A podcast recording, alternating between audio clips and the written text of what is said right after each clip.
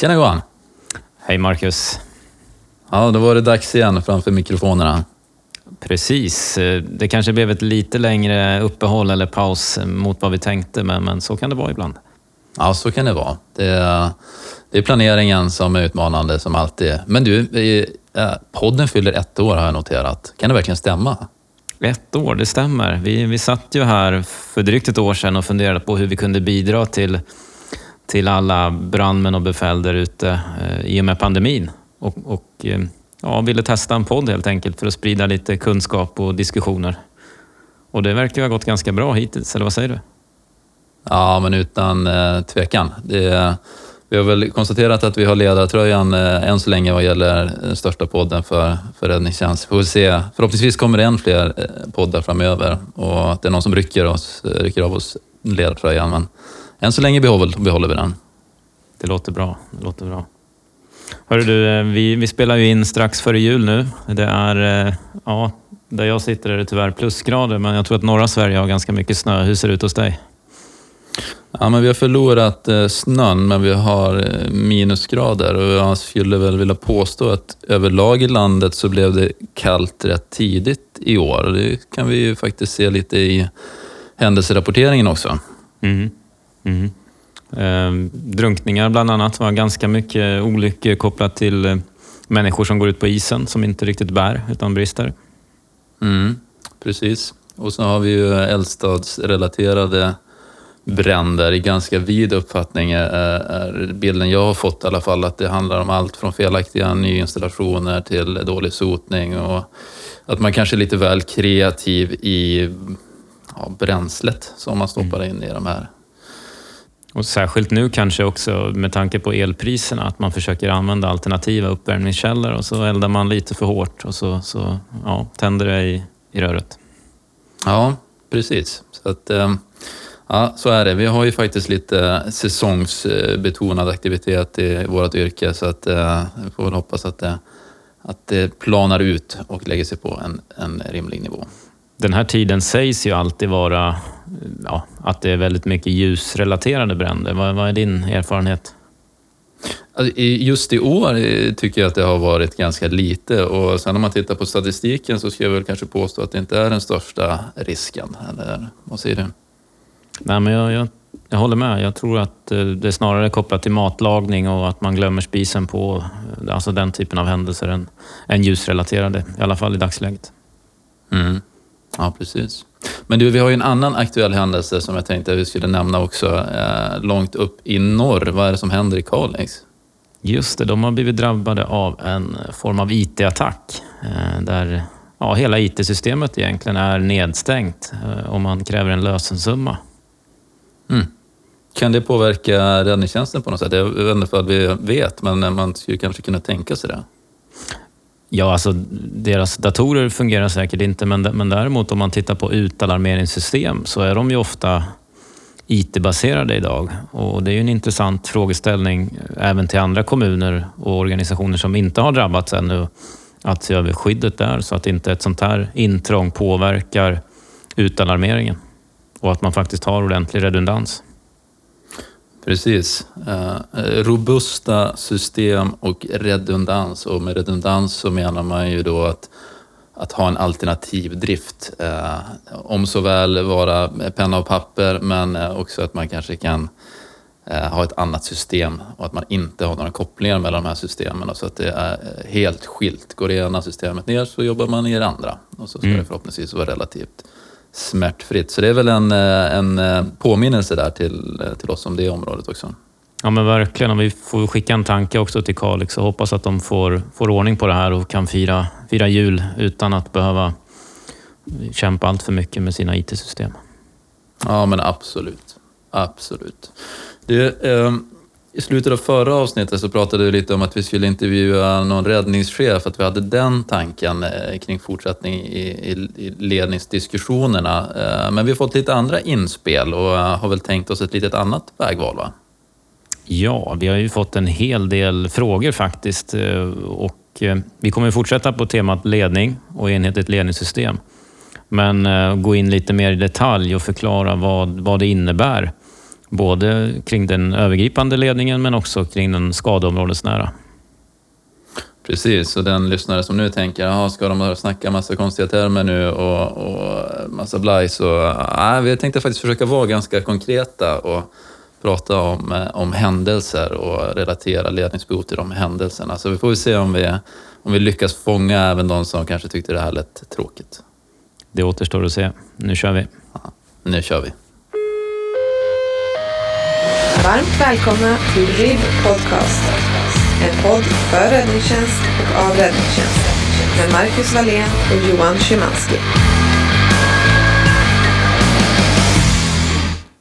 Johan, vi tänkte vi börjar med det här med eh, organisationen, eh, ansvaret för räddningstjänst, räddningscentral, räddningsregion. Det är så mycket begrepp här som, som är eh, eh aktuella. Eh, ska vi börja med hur hur kan räddningstjänsten vara organiserad vad gäller ansvaret?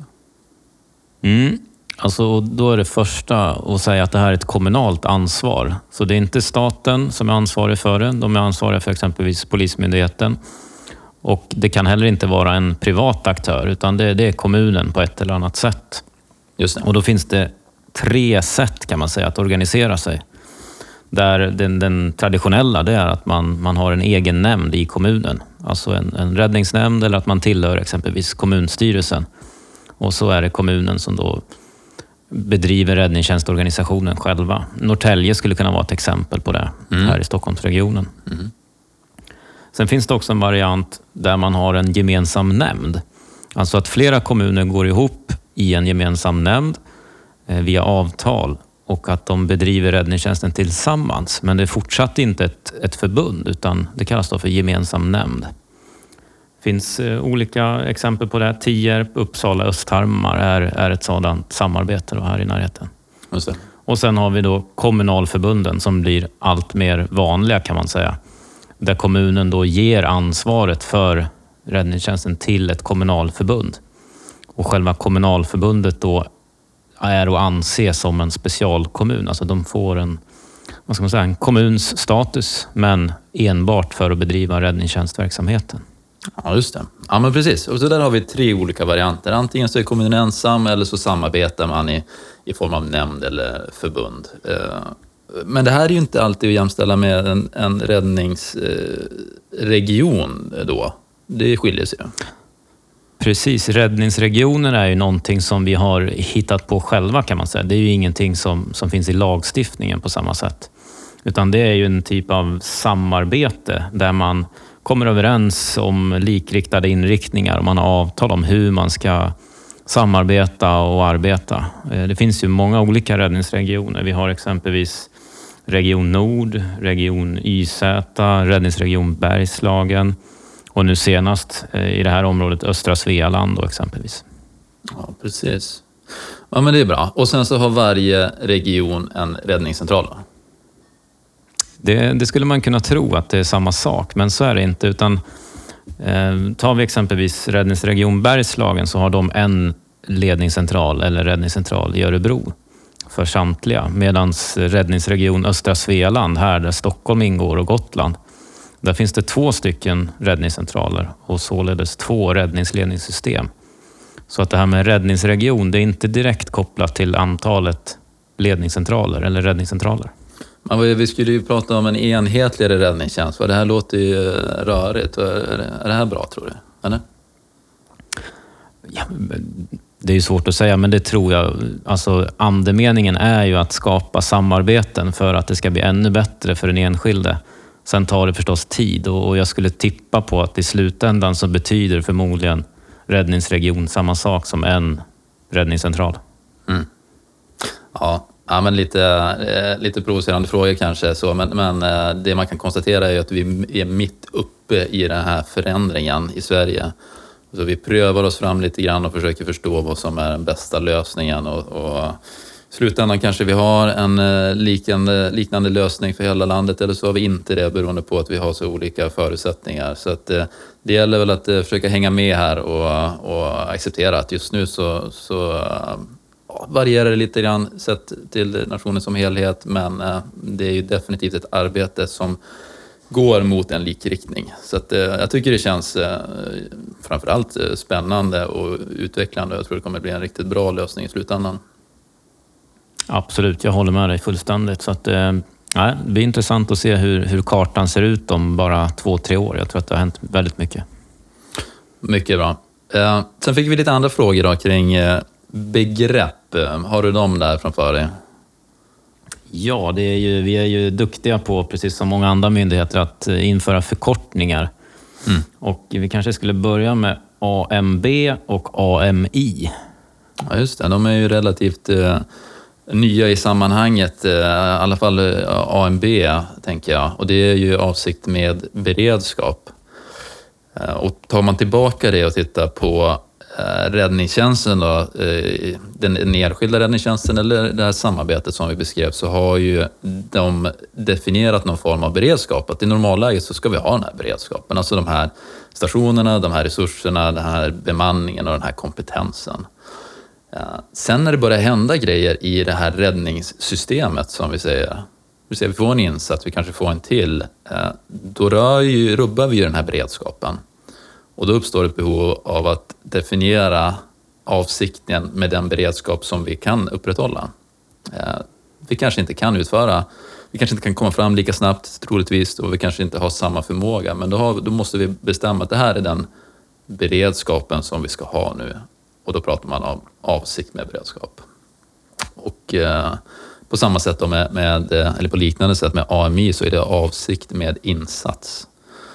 Och då säger vi att eh, när vi får en händelse, beslutar att vi ska inleda en, en, någon form av insats, så ska vi förmedla avsikten med den insatsen från den övergripande ledningens sida så att de som responderar vet vad det är vi ska göra egentligen, om man förenklar det mm. något. Men du, betyder det här, Marcus, att eh, man inte längre litar på, på oss befäl där ute, utan man måste förklara att Går det larm om drunkning så ja, men ni ska åka dit och rädda den som ligger i vattnet, eller Ja, precis. Syftet? precis. Det, är, det, det är precis därför. Nej, det, ja, men det är en bra fråga. För man kan väl säga så här, vi vet väl om det är en trafikolycka så vet vi vad, vad vi gör. Ja, absolut. Mm. Och där tittar man på att ha kanske ett stående eh, AMI och säga att ja, men det, det, är det här som vi gör och så länge inte någonting annat förmedlas. Men det kan ju också vara så att det här avviker på något sätt Eh, och att vi därför vill förmedla ett, ett tydligt, en, tydlig in, eh, eh, en tydlig avsikt ursäkta, med det. Så, att, mm. så kan det vara. Eller så kan det vara någonting som avviker redan från början och säga det här är någonting som inte vi är vana. Och då tror jag du blir glad om, om du får veta varför vi skickar iväg dig och vad det är för avsikt med, med ditt uppdrag. Absolut, och det kan ju också vara så att resurserna i det här läget är begränsade för det pågår massa andra insatser och då kanske den eller avsikten som man har normalt sett, den, den kan inte vara samma utan man har en begränsning i, i tilldelning av resurser. Mm, precis. Och vi särskiljer dem initialt också för att veta det här är ditt AMI och det här är din ram, alltså, så det är de resurserna du får tilldelade. Men sen är det precis som du säger att är det så att eh, eh, ramen påverkas så kan ju rimligen också avsikten påverkas, att vi inte längre kan utföra det vi, det vi kan, eller det vi tänkt. Um, och sen tänker jag så här att när du, när du då kommer fram eh, så kommer du när du har bildat en uppfattning om händelsen sätta ett MMI. Det kan du förklara kort vad det, vad det innebär? Då? Just det, det är ju målet med insatsen, alltså vad vi ska uppnå där ute vid skadområdet. Och det här målet då ska ju svara upp naturligtvis mot det AMI som jag har fått ifrån den övergripande ledningen. Mm, precis. med tillägget, tycker jag, då, min personliga åsikt är att AMI som vi sätter gör vi ju med väldigt begränsad information och väldigt tidigt. Sen kommer du upp till platsen, du kanske tar till dig ny information eller eh, ser att ja, men det här är faktiskt eh, en annan händelse. Eh, då bör ju du kunna rimligen förmedla ett, ett önskemål om ett MMI som ligger utanför AMI och så för vi den dialogen och korrigerar det. Så att det, som alltid så är det en dialog som förs. Vi gör ju någonting tillsammans och det viktiga här är att vi säkerställer att vi har samsyn och att vi gör rätt, rätt grejer, tänker jag. Just det.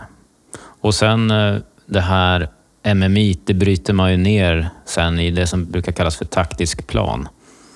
Eh, och sen eh, är det ytterligare en bokstavskombination, IDA, inledningsvis, därefter avslutningsvis. Alltså vad vi faktiskt ska göra där ute på platsen för att uppnå mål med insats. Mm. Ja, och så kan man ju tänka så här, men vad behövs verkligen där? En jävla massa förkortningar, massa olika delar i det hela. Ehm, är, det, är det verkligen nödvändigt? Och det är väl kanske det vi ska försöka belysa uh, mm. i det här poddavsnittet. Tror du att vi kommer lyckas med det? Ja, men det tror jag. Och, och, och, den som tycker att, ja, men varför har de hittat på det här nu då? Ja, nu, det är inte du och jag som har hittat på det förstås, utan lagstiftaren. Men man ska komma ihåg också, det här är ju ingenting nytt, utan det är så att det hette ju olika saker tidigare. Mm. Om, vi, om vi pratar om AMB och AMI så var det ju tidigare kopplingen till normativa och strategiska beslut. Mm. Precis. Och det handlar ju helt enkelt om att vi har i olika delar av ledningssystemet så har vi olika fokusområden och olika behov och därför ska vi också ha olika verktyg helt enkelt. RIB Podcast, en podd för räddningstjänst och av räddningstjänst.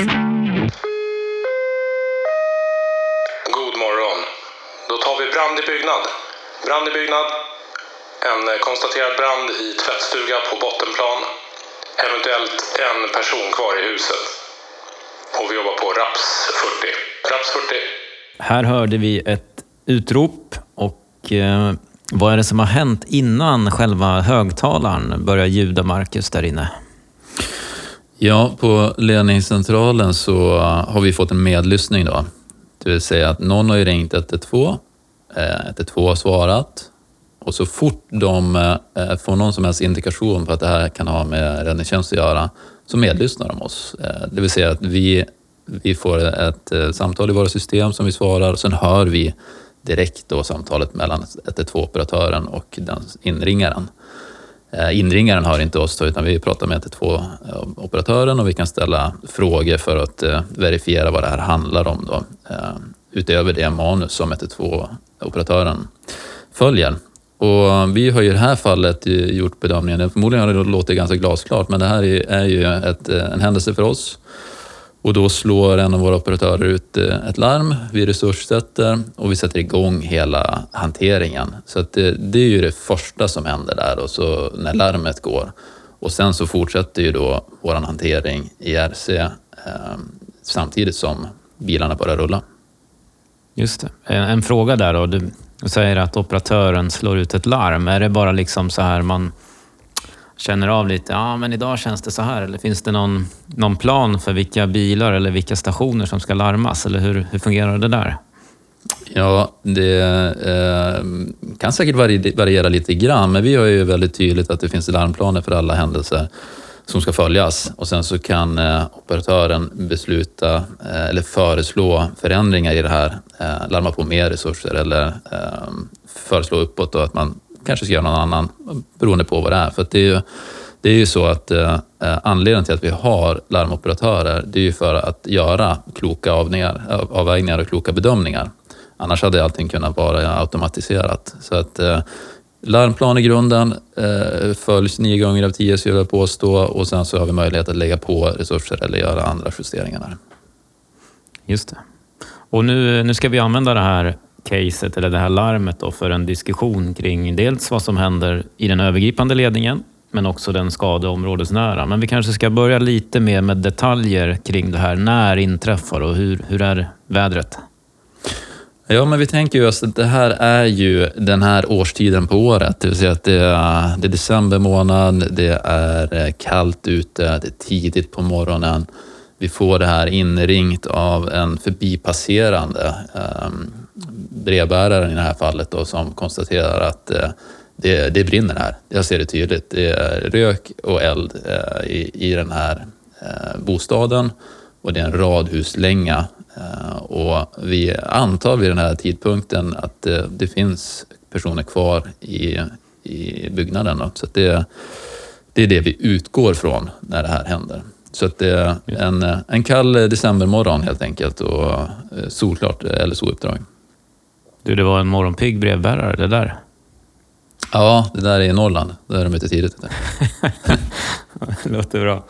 Ja, men vad bra. Då har vi fått eh, Larmet, eh, våra personsökare har eh, börjat ljuda och eh, ja, det beror ju på om man befinner sig på brandstation eller om man är kanske på väg dit. Då. Men om vi skulle förflytta oss in till våran räddningscentral, eller ledningscentral här. Det som kallas för övergripande ledning. Vad, vad, vad händer nu i skede ett här kring den här händelsen? Ja, det vi börjar göra, det, är ju, det här är ju en allvarlig händelse. Så där är vi överens eh, redan från mm. början. Så vi börjar eskalera, vi börjar resurssätta även i ledningscentralen. Ledningsbefälet är informerat, vi har ett vakthavande befäl som är informerat. Vi börjar titta på det här närmare. Eh, styrkorna är på väg, bra, det är steg ett. Steg två, är det här en rimlig resurssättning eller vill vi lägga på mer? Eh, mm. Sen börjar vi titta på objektet vi börjar titta på andra faktorer i området. Vi kanske kommer till eh, ehm, fundera på omgivningen, samhällspåverkan. Eh, finns det anledning att informera vakthavande räddningschef? Vad har vi för eh, polisiära resurser på väg, ambulans på väg? Hur kan vi säkerställa att eh, den skadeområdesnära insatsen eller ledningen har det som behövs redan från början? Just det, så det är ganska mycket som ska koordineras och, och, och igångsättas inne på räddningscentralen? Ja, men det är det och det här är ju som sagt bara början. Då. Vi, sen kommer vi fortsätta med, så fort vi får en, en rapport från dig som, som verifierar läget eller kanske meddelar någonting annat, och så tittar vi vidare på vad du kan tänkas behöva. Ehm, ska man jämföra det med eh, Eh, hur en, eh, hur en räddningsstyrka arbetar så, så, kan man tänka sig att, eh, man brukar säga att vid en trafikolycka att eh, chauffören, verktygsmannen, ska leverera det som eh, klippledaren eller klipppersonalen personalen behöver redan innan de behöver det. Det ska ligga där, du ska få det i handen. Du ska ju få, när du tänker en tanke, då ska vi redan ha tänkt den och så ska vi leverera det det är ju en, en skaplig utmaning för oss då, men eh, det är vår målsättning i alla fall att ligga lite i framkant både vad det gäller eh, analys och eh, resurser och uthållighet och, så vidare. Mm, du, du, sa ett ord där innan vi går vidare, eller ett begrepp.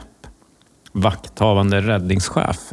Du är ju vakthavande befäl, men vad är mm. vakthavande räddningschef? Det har vi inte hört förut.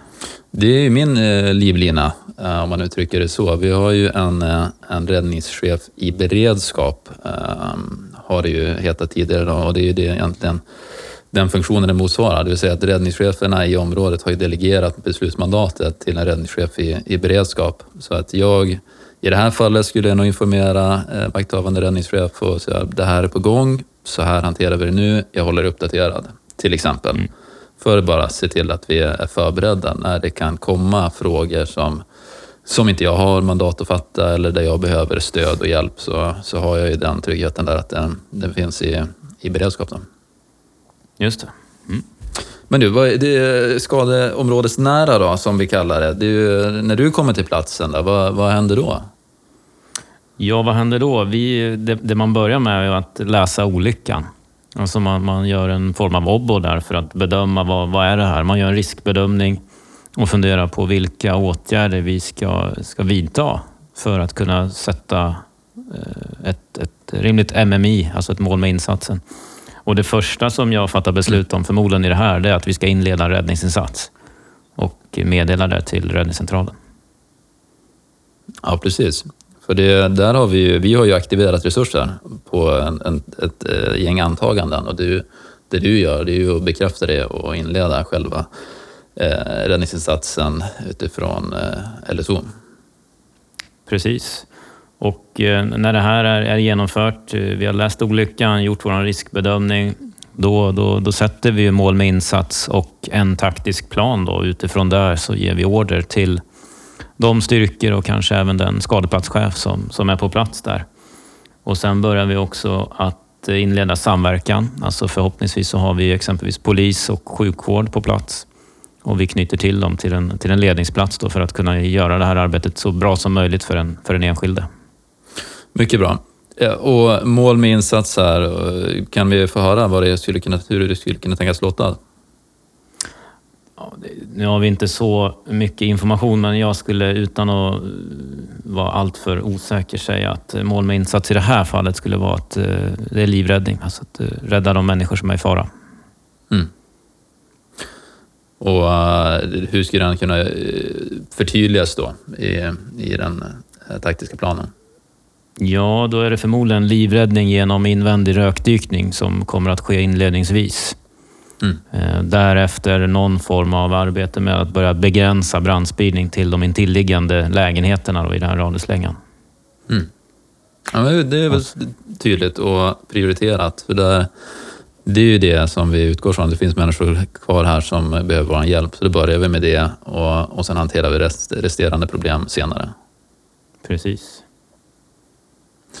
Mycket bra. Mm. Och, och det som blir intressant här i, i någon form av liksom mellanskede, om vi kallar det det, där vi har, ni har kommit igång med jobbet, vi har gjort den grundläggande analysen, vi har resurssatt, vi har tittat på eh, uthållighet här initialt, vad kan du behöva mer? Eh, på sikt kommer vi titta på eh, allt från avlösning, personal, material, resurser, depå, kantin, drivmedel, Mm. Vi kommer börja titta på, på omfall. Vad händer om din plan inte håller? Hur kan vi förbereda oss på det? Ehm, vi försöker ju återigen ligga steget före så att du har det enkelt. Vi kanske lägger på en resurs för omfall om inte du har, eh, har begärt det, så att vi har någonting på brytpunkt åt dig. Men ehm, eh, här någonstans börjar vi också då Eh, titta på beredskapsläget. Det kan ske tidigare också, men vi börjar ju titta på Okej, okay, Johan och hans gäng är insatta här. De här resurserna är tilldelade. Vi har en avsikt med insatsen, vi har ett mål med insatsen, vi har en ram för insatsen. Det kan ju faktiskt hända mer saker parallellt, så då börjar vi titta på hur hanterar vi det? Vilka åtgärder måste vi vidta för att ha en rimlig beredskap i området? Just det, och, och jag tycker att det är det här som är så viktigt att förstå att när man står där ute som räddningsledare eller vilken funktion som helst, så vi är, vi är en del av ett större sammanhang. Alltså vårt uppdrag det är ju dels att naturligtvis lösa den här situationen som har uppstått. Men det handlar ju också om att leverera in till räddningscentralen tillräckligt bra lägesrapporter för att ni ska kunna fatta beslut som rör hela ert ledningssystem. Precis. Och um, Det kan ju ta, vi har ju varit inne på det tidigare, men det kanske tar sig uttryck i att vi säger att amen, de här resurserna kan du ha, men den här styrkan måste vi behålla för beredskap. Um, och det kan ju låta tokigt, liksom. ska vi inte skicka allt vi har för att lösa den här uppgiften? Det, det brinner. Jo, vi kommer skicka allt som vi kan, men vi måste också kunna hjälpa den som är hjälpsökande i nästa läge också, som inte är relaterat till den här branden. Och det är ju ingenting vi vill att du ska behöva bekymra dig för eh, när du är där ute, utan vi sköter det. Vi fattar beslut om det. Vi löser eh, förflyttningarna. Vi tittar på inkallning eller vad det kan tänkas vara. Så att eh, de som jobbar med en insats ska kunna fokusera på det fullt ut, så löser vi resten.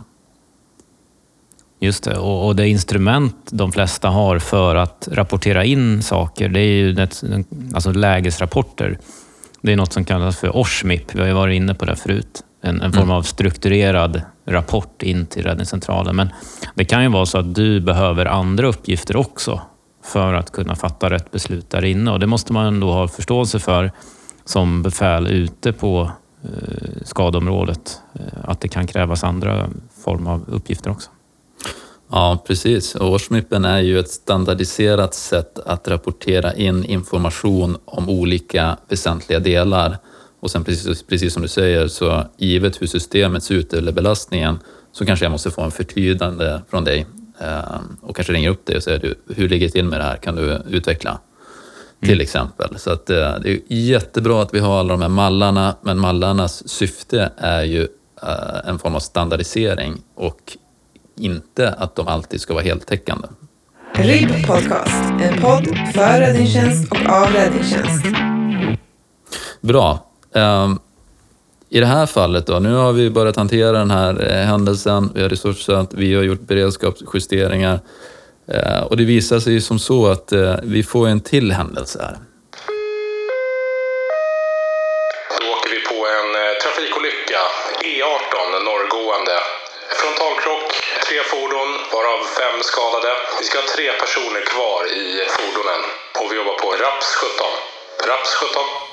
Ja, Johan, det här är ju inget drömscenario. Vi, vi har en stor pågående insats och vi får en trafikolycka samtidigt. Eh, så kan det vara ibland. Vi eh, måste givetvis hjälpa till här också. Mm, som tur är så har vi gjort en, en beredskapsförflyttning så vi har en styrka att skicka, men vi gör bedömningen att vi behöver fler styrkor här. Ehm, och I det här läget så måste vi då se över vad vi har i regionen. Har vi någonting i närheten som kan respondera? Och annars kan det bli så att jag ringer upp dig till exempel och säger så här. Eh, Johan Marcus, här, vi har en trafikolycka. Den resursen som är på väg som du begärde kommer vi att omfördela, så du vet. Och då blir det ju en, en, en situation, oönskad situation för dig att hantera i det här läget. Hur resonerar du då? Ja, precis. Eh, det kan ju vara så att våran plan där ute är att nyttja den resursen för en viss del eller också kanske den skulle vara som taktisk reserv bara på brytpunkt. Men, men oavsett blir det förmodligen så att jag behöver fundera över om min taktiska plan verkligen håller eller om jag måste till och med omformulera målet med insatsen. Och Det kan ju handla om att li, alltså livräddningen den, den får ju inte påverkas förhoppningsvis, men, men det kan ju vara så att egendomsräddningen eh, övergår från att vara väldigt offensiv eh, till att kanske, nah, men vi får nöja oss med att begränsa brandspridningen till, till lite längre bort. Eh, att vi inte har riktigt lika mycket resurser till förfogande för att göra den här eh, offensiva och direkta släckinsatsen kanske som vi tänkt. Ja men exakt och eh, i det här fallet så har ni ju hunnit jobba en stund så man kan ju tänka sig att ni har hunnit säkerställa att det inte är någon där inne. Eh, och då blir det ju lättare att hantera om man får säga så. Då. Eh, men det är ett bra exempel tycker jag på där vi ändrar ramen för din insats. Så att, ja, men det har hänt någonting i systemet som vi måste hantera. Det är ju ingenting som, som du ska behöva fundera på men däremot så får du inte den resursen som du har begärt, vilket kan påverka eh, dina, din, din taktiska plan, ditt mål och även eh, avsikten med insatsen i stort. Då. Precis, och det viktiga för min del är ju att jag på ett tydligt sätt motiverar mina beslut. Eh, varför jag måste förändra inriktningen på insatsen. Ja, och det gäller ju hela, hela kedjan. Mm. Jag motiverar och dokumenterar givetvis varför jag inte har levererat den begärda resursen, utan att den är omfördelad. Eh, du, du, lever, du dokumenterar och beslutar vad du måste göra på, på skadeplats och så börjar hela cykeln om här. Då. Eh, mm. Vad gör vi i, i ledningscentralen? Okej, okay, vi har ett nytt läge. Vi gör vår, vår, våra analyser, bedömningar, resurs, eh, resursfördelning, ser till att vi säkerställer det initiala behovet och sen när tid ges så börjar vi titta på beredskapen igen, för det kan ju komma en tredje. Mm. Och här har vi ju då Eh, folk avdelade. Vi kanske till och med har börjat bygga upp stab för din händelse. Vi kommer sköta mediekontakter, vi kommer informera eh, tjänstemän i beredskap, eh, kommunchef eller liknande beroende på hur det ser ut. Och det här är ganska mycket jobb som vi vill lyfta ut från systemet, om jag uttrycker mig så. Det här är liksom en separat hantering vid en given tidpunkt där vi har kunnat resurssätta den. Och så kanske vi måste ta in mer folk till RC för att skapa luft och utrymme för att hantera eh, driften av systemet. Så det kanske, jag kanske tar in en eh, biträdande, ett biträdande vakthavande befäl eller vi tar in mer personal till trafikrummet då, som hanterar, eh, som hanterar eh, ja, det, det löpande arbetet helt enkelt. Men du, nu när systemet börjar bli belastat, för det får man ju ändå säga att nu, nu är det ganska så ordentligt påverkat i och med att eh, den insatsen som jag bedrev måste ändra inriktning. Eh, vem beslutar om att ta hjälp av andra och sådär? Är det du som vakthavande eller är det den här vakthavande räddningschefen som vi var inne på tidigare? Hur, hur ser det där samarbetet ut? Ja, I vår region så har vi ju eh, väldigt tydligt, skulle jag vilja påstå, avtalat vad vi kan göra och eh, vi har också väldigt tydligt uttalat att inga beslutsprocesser får fördröja de hjälp, eh, eller skadavhjälpande insatserna initialt. Så där, där känner jag mig trygg i min roll som vakthavande befäl, att jag kan ta de besluten och, och tilldela resurser. Sen kommer jag då, så fort tid ges, informera vakthavande räddningschef om läget och sen föra en dialog där kring vad vi behöver göra och vilka vi behöver informera och om det är något ytterligare åtgärd som måste vidtas. Men eh, eh, vår ledningscentral har mandat att eh, tilldela de resurserna som krävs. Just det, och det, och det här kan förstås se olika ut i landet beroende på hur resurserna ser ut och vilket mandat som, som eh, vakthavande befäl har fått. Ja, men precis. Och dit, dit vi, det har vi också varit inne på tidigare, men dit vi, eh, dit vi vill komma i Sverige är ju eh, ett läge där vi alla mm, litar på varandra och, och förutsätter att de beslutsfattare som är utsedda gör kompetenta och, och bra bedömningar. Så gör din bedömning, fatta det beslut och sen informerar du mig om det så att vi kan parera för eventuella följande, följande åtgärder. RIB Podcast, en podd för räddningstjänst och av räddningstjänst. Nu har vi ju hört eh, vad som händer inne på räddningscentralen. Eh, det är ganska så, så lätt att förstå att det är väldigt mycket arbete och väldigt många processer som ska leda fram till beslut som sker där inne parallellt med att eh, räddningsstyrkorna både är på väg fram men också är framme på den här insatsen. Och sen mitt under det här så, så inträffar det någonting mer allvarligt i, i, i regionen som redan är påverkad av en händelse. Men de längst fram då, Marcus, alltså eh, brandmännen, hur, hur har de påverkats av, av det här nya enhetliga ledningssystemet? Eller är det precis som vanligt? Ja, eh, jag tänkte säga att förhoppningen är att de inte har påverkats alls, men det är väl lite dumt uttryck. Eh, det som är tanken är ju att allt som vi gör ska underlätta för deras arbete. Det är de som löser problemet. Vi ska ju se till att de har rätt förutsättningar för att lösa problemet. Vi ska vara tydliga i, i uppgiftstilldelningen och ordergivningen. Vi ska säkerställa att de får avlösning, att det finns torra kläder, att det finns käk, att det finns resursdepå eller vad det nu kan tänkas vara. Så att, eh, på sätt och vis så hoppas jag att de inte har märkt av övergripande ledning så mycket, eh, om jag får uttrycka mig så, utan att det, de upplever en tydlighet och en enkelhet i arbetet. Då har ju vi lyckats. Så mm. eh, för de som inte har haft den här eh, eh Ehm, resursen tidigare i form av övergripande ledning så hoppas jag att de eh, känner att ja, men det här blev ju bättre, det blev enklare, det blev inte krångligare, för då har vi hamnat fel. Och, och, man kan ju verkligen säga det, vi brukar prata om att, att brandmännen är befälens ögon. Men i det här fallet så blir det också väldigt tydligt att, att brand, rökdykarna längst in i, i det här radhuset rapporterar till rökdykarledaren som pratar med sektorchefen som för vidare till skadeplats chef eller motsvarande så till räddningsledare som sen ställer ett resursbehov in till räddningscentralen. Som kanske i slutändan betyder att det är den som löser själva Eh, behovet av nya rökdykare eller vad det nu kan vara. Mm. Ja, men det är helt riktigt såklart att det är ju den här eh, kedjan eh, som måste funka. Ögonen där ute. De, den rapporten som rökdykarparet lämnar kan ju påverka vår hantering av trafikolyckan. Det är ju den mm. kopplingen mm. som, som, som man måste se här. Att det, det, det, är otroligt viktigt att vi får bra information hela vägen så att vi kan Eh, lösa uppgiften för hela räddningssystemet och alla inträffade händelser. Man skulle kunna göra en liknelse med, med, med tunnelbanan eller järnvägen i Sverige. Att, att inget tåg åker ju själv där ute på spåren. För om något bara skulle stanna, då skulle det påverka alla andra tåg också. Utan det finns ju någonstans en, en driftledningscentral som ser till att alla tåg har de förutsättningar som behövs och kommer i tid. Och det är lite så ett räddningsledningssystem funkar också. Att vi måste veta var alla tågen är någonstans och vad de gör och vad de behöver för att åka vidare. Exakt. Det ska, gå som på räls. Ja, men det får nästan vara avslutningsordet va, för, för den här diskussionen. Eller, eller hade vi några fler frågeställningar? Nej, jag tycker det. Bättre avslutning än så där blir det ju inte. Så att, eh, vi nöjer oss där och så de som har obesvarade frågor får ju eh, höra av sig så får vi lösa det senare helt enkelt. Det låter bra. Eh, jag tänker, det är idag den 17 december. Eh, vi vet inte riktigt när, när det här kommer ut till lyssnarna, men vi kan väl ändå kosta på oss att, att önska god jul och ett gott nytt år, eller vad säger du? Ja, men absolut. God jul och gott nytt år. Ni gör kanonarbete där ute. Fortsätt med det och vi hörs nästa år. Det gör vi. Ha det bra. Ha det bra. Du har lyssnat på RIB Podcast, en podd för räddningstjänst och av räddningstjänst med Marcus Wallén och Johan Szymanski. Producerad av Timmy Selin, grafik Adam Dahlstedt.